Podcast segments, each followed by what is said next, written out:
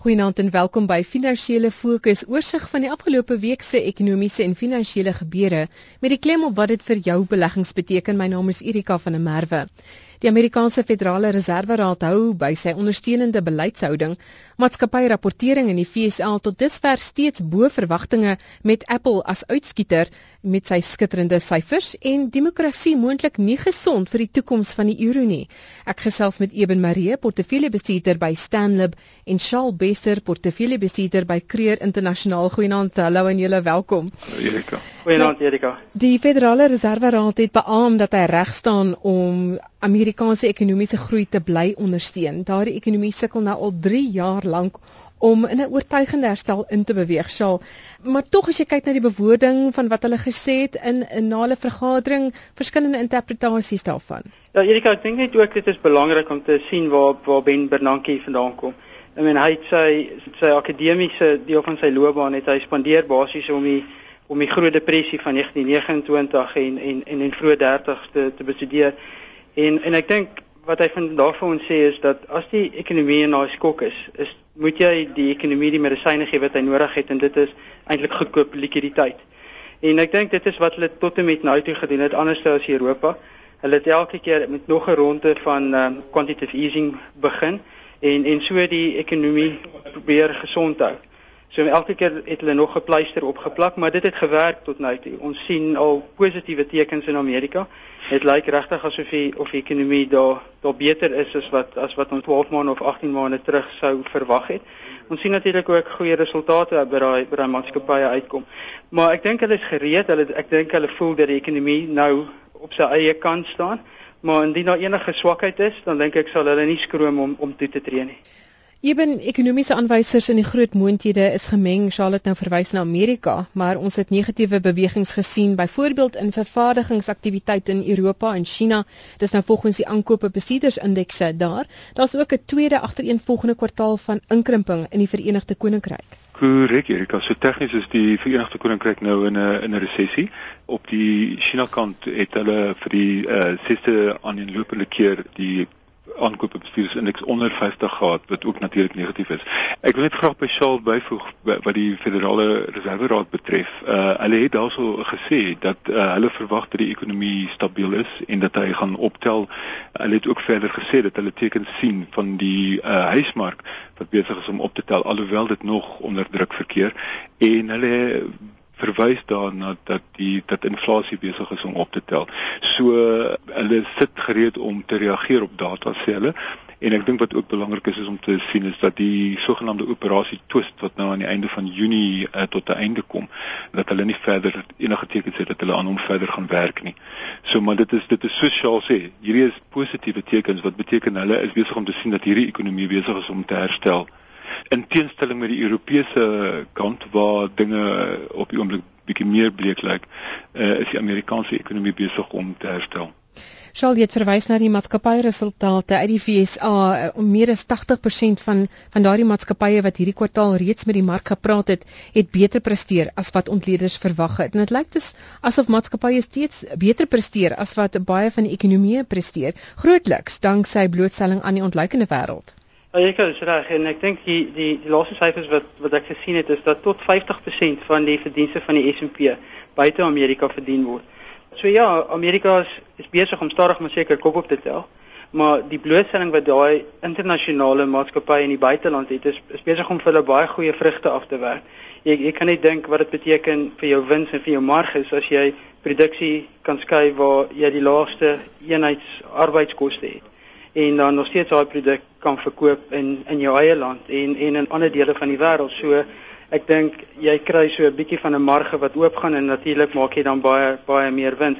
En ek dink is belangrik vandag vir beleggers om om uiteindelik te fokus op op hierdie multinasjonale maatskappye wat reg oor die wêreld besigheid doen, wat die kundigheid het en wat oor die kapitaal beskik om om beide produksie, maar ook die produk wat hulle uiteindelik lewer by die plek af te laai waar hulle die grootste wins gaan maak.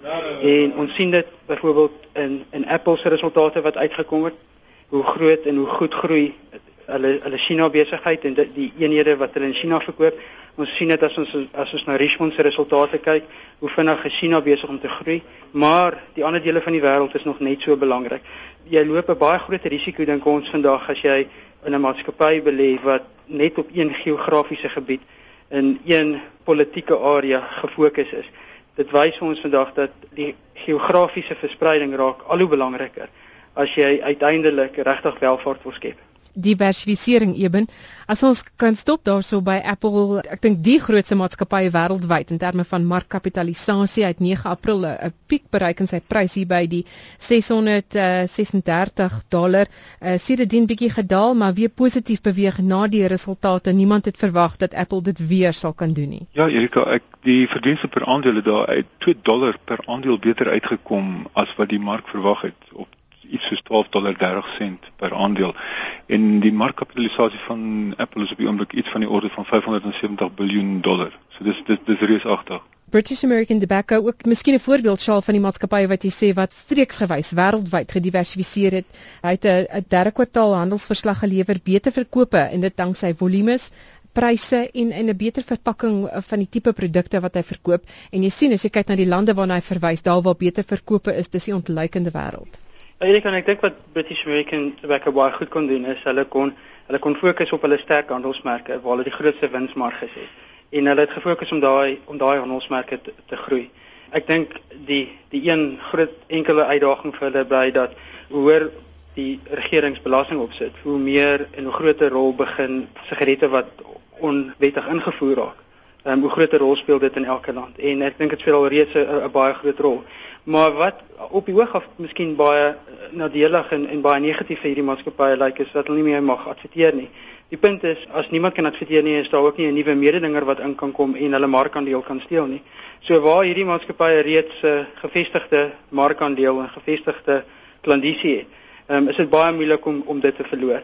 Um, ons weet dit is baie moeilik om op te hou rook en ons weet hulle is besig om in die areas in te groei waar mense nog rook, waar mense al hoe meer mense begin rook en vir die eerste keer in hulle lewens kan bekostig om hierdie wat vroeër net 'n aspirerende handelsmerk was te kan koop. Nou kan hulle dit koop en ons dink daar's nog baie baie goeie jare wat voor lê vir 'n maatskappy soos um, soos British American Tobacco. Maar mense moet in, in ag neem dat in die westerse wêreld al hoe minder mense rook, dit al hoe moeiliker raak om te rook en um, tot dusver kon hulle dit met 'n klein bietjie volume groei, maar grootliks aan die pryskant kon hulle verdienste in stand hou. Ewen as ons terugkeer na Europa, dis baie duidelik en soos ek aan die begin van die program gesê het, mense wonder hoe gesond demokrasie is vir die toekoms van die euro in lande soos Nederland en Frankryk en ons weet nou ook van Spanje en Griekeland deur die loop van verlede jaar, mense wat baie ongelukkig begin raak met hierdie inperkingsmaatreëls. En en tog is dit wat nodig is om die voortbestaan van die euro te verseker. Erika, ons het hierdie week gesien wêreldmarkte het skerp gereageer maandag byvoorbeeld nadat die politici begin inmeng het met veral hierdie en hulle is besig om goeie politiek te speel deur die vrae te vra oor juis hierdie uh, maatreëls wat getref word om nou die ekonomie te probeer die, die skuld te verhaal. So wat mense daar kry is is dat uh, die markte natuurlik verwag dat dit moeiliker gaan word om skuld te te verhaal en uh, daarop reageer. Ons het egter weer gesien dat Dinsdag het Spanje, Italië en Nederland uh, uh dit reg gekry om skuld uit te reik teen aanvaarbare koerse en hulle het die likwiditeit gekry wat hulle gesoek het. Ons het gesien dat Spaanse uh, krediet afgeleid is weer verhandel het onder 5% wat redelike positiewe teken is. Maar die politici gaan hierso uh, in die volgende paar weke met al die verkiesings wat opkom hierdie hele situasie uitbuit en daar is 'n bietjie volatiliteit wat op die horison is as gevolg daarvan. Die wisselvalligheid dus gaan voort hier sal wat sê mense soos julle vir julle kliënte jy het nou gepraat van aandele wat wêreldwyd gediversifiseer is as beskerming verskansing hierteen. Ja Erika ek dink aan die einde van die dag is ehm, 'n um, belegging in 'n in 'n goed gediversifiseerde maatskappy die enigste manier hoe jy jou reële inkomste wat jy as 'n dividend ontvang maar ook um, die kapitaalgroei wat jy hoort uitkry. Dan nou, weer hoe hoe beskerm jy jouself teen teen inflasie wat wat jaar op jaar groei? En ons dink jy kan dit net regtig doen oor die langtermyn deur in 'n goed bestuurde maatskappy met 'n sterk balansstaat te belê. Maatskappye soos Sasol wat ons wys dat die olieprys wat styg, wat die besteedbare inkomste wat mense vandag in hulle sakke oor dit as gevolg van die petrolprys wat hoër is. As jy 'n Sasol aandeel hou en ek in die laaste 6 maande het jy was jou dividend groei 84%. Dit is 'n manier hoe ons dink beleggers hulle self kan beskerm. Ons ons dink egter mense moet vandag kyk na die die die multinasjonale maatskappye. Hulle hoef nie noodwendig in Suid-Afrika genoteer te wees nie, maar dit moet maatskappye wees wat geweldig baie groeipotensiaal buite hulle eie lande het, buite Amerika, buite Europa en wat groei in Asië in. En ons dink dit is as mens kyk na 'n langer termyn tema, moet jy maatskappye belê wat daar blootstelling het want ons dink dit is waar die groei van die toekoms gaan lê. Ben jou siening Europa gaan waarskynlik hierdie jaar in 'n resessie wees, matige effe groei vanuit uh, die FSA, China het steeds 'n stewige passie van groei daarso. By ons matige groei, ons leidende aanwyser het gewys op 'n uh, voortgesette dog baie matige herstel. Erika korrek. Ek dink as mens na die korttermyn kyk, jy weet, uh, daar's ons maar altyd die siening in die mark uh, wat hulle sê van verkoop in Mei en gaan verby. Uh, so in die korttermyn en dit lyk of dit hierdie jaar maar weer dieselfde gaan wees. Ons gaan 'n bietjie volatiliteit in die korttermyn kry. Ek dink van 'n van 'n langer termyn siening, uh, die ontleikende markte lyk nog steeds uh, positief en ek dink soos wat ons gepraat het uh, van die, van die groter markte soos die die die FSA, uh, daar is daar is waarde daar rond en ek dink daar's maar oral in die in die markte word daar gepraat prys vir risiko. So daar is selfs in die Europese markte is daar baie geleenthede wat mense kan kry en ek dink so net by Shell buite vir ek stem heel hartig saam waar mense hierdie gediversifiseerde tipe geleenthede kan optel en baie kere word deur die mark geleenthede afgedruk. Kry 'n mens winskoopies wat oor die langtermyn vir jou 'n uh, substansiële opbrengs te gee. Ek dink van die ekonomiese siening af gesien hierso sit ons maar in 'n situasie waar mense moet verstaan dat jou hele Europese uh, situasie is maar relatief sieklik in die afsienbare toekoms en dit gaan 'n ruk vat om daardie situasie uh, uit te werk. Daar is aansienlik hoeveel dit skuld wat uh, afbetaal moet word en daardie geld gaan ongelukkig nie net kristalliseer uit die blou lug uit nie. So die dit dit, dit gaan betaal word oor 'n lang periode van tyd en dit gaan ekonomiese groei seermaak. Wat van ander bateklasse? Sal ek weet jy fokus veral nou op aandele. Ewen jy's 'n absoluut opbrengsfondsbestuurder, so jy kyk meer in die breë. As ek kan by jou kan begin. As mens praat van kapitaalbeskerming, is kontant miskien een opsie as jy as jy baie onseker is oor die aandelemark. Ja, Erika, ek dink as jy geld wil parkeer, dan is kontant 'n goeie opsie. Maar ek dink as jy in reële terme gaan kyk, dan dan verloor jy op die oomblik uh, al 1% per jaar. So dis nie vir ons 'n opsie om welvaart te skep nie. As ons kyk na staatseffekte plaaslik, so 2% reële opbrengs. Ehm um, dis nie vir ons te aantreklik nie as ons internasionaal gaan kyk glad nie. Dink ons van die 10 jaar uh, effekte van byvoorbeeld in die FSA en en en in Duitsland is is is negatief en dit is nie dis nie vir ons aantreklik nie. Ons fokus al ons energie op hierdie stadium op op die mees aantreklikste bateklas en en dit is nou vir ons is is vir ons aandele. Ons dink uh, jy kan maatskappye koop met uh, baie baie sterk balansstaat waar daar klomp kontant op die op die balansstaat sit wat indien daar afsou is hierdie daai afsou hy sal sal kan deurstaan. Ek dink aan maatskappye soos BHP Billiton wat aan die aan die aan die kostekurwe op die laagste kant sit. So uh, ons dink daai maatskappye vir jou genoeg beskerming. Ek dink ons moet verby kyk korttermyn fluktuasies en eerder kyk op die op die langtermyn groei wat jy kan kan bewerkstellig en ophou bekommerd wees wat môre of oormôre gaan gebeur en eerder fokus op op wat uh, oor 5 jaar en oor 10 jaar gaan gebeur. En vir ons is belegging soos om om te oefen vir die vir die komrits. Dit is 'n dit is 'n lang proses en uh, jy moet maar fokus op op op die dag as die komrits kom en nie elke dag gaan probeer om die komrits te hardloop nie. Ewen so dit klink soos 'n proses van dissipline hou jou oë gerig op die doelwit. Dit is korrek Erika. Ek dink ek stem saam met Shaul wat Shaul sê. In reële terme is aandele die mees aantreklike. Mens kan natuurlik kyk na na eiendom ook.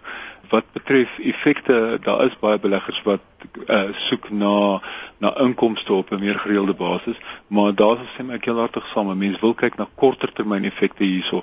Rentekoerse in die geheel is op baie lae vlakke en as 'n mens begin groei sien wêreldwyd, gaan 'n mens 'n situasie beleef waar jy baie seer kan kry met kapitaalverliese want rentekoerse kan baie groot opgaan en dan gaan 'n mens seer kry met effekte.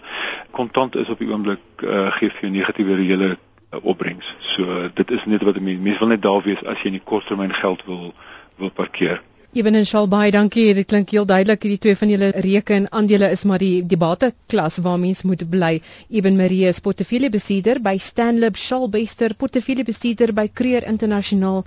My naam is Erika van der Merwe. Dankie dat jy saamgekuier het. Ons is volgende Sondag aand 20 voor 9 weer hier. So geseënde week vorentoe. Totsiens.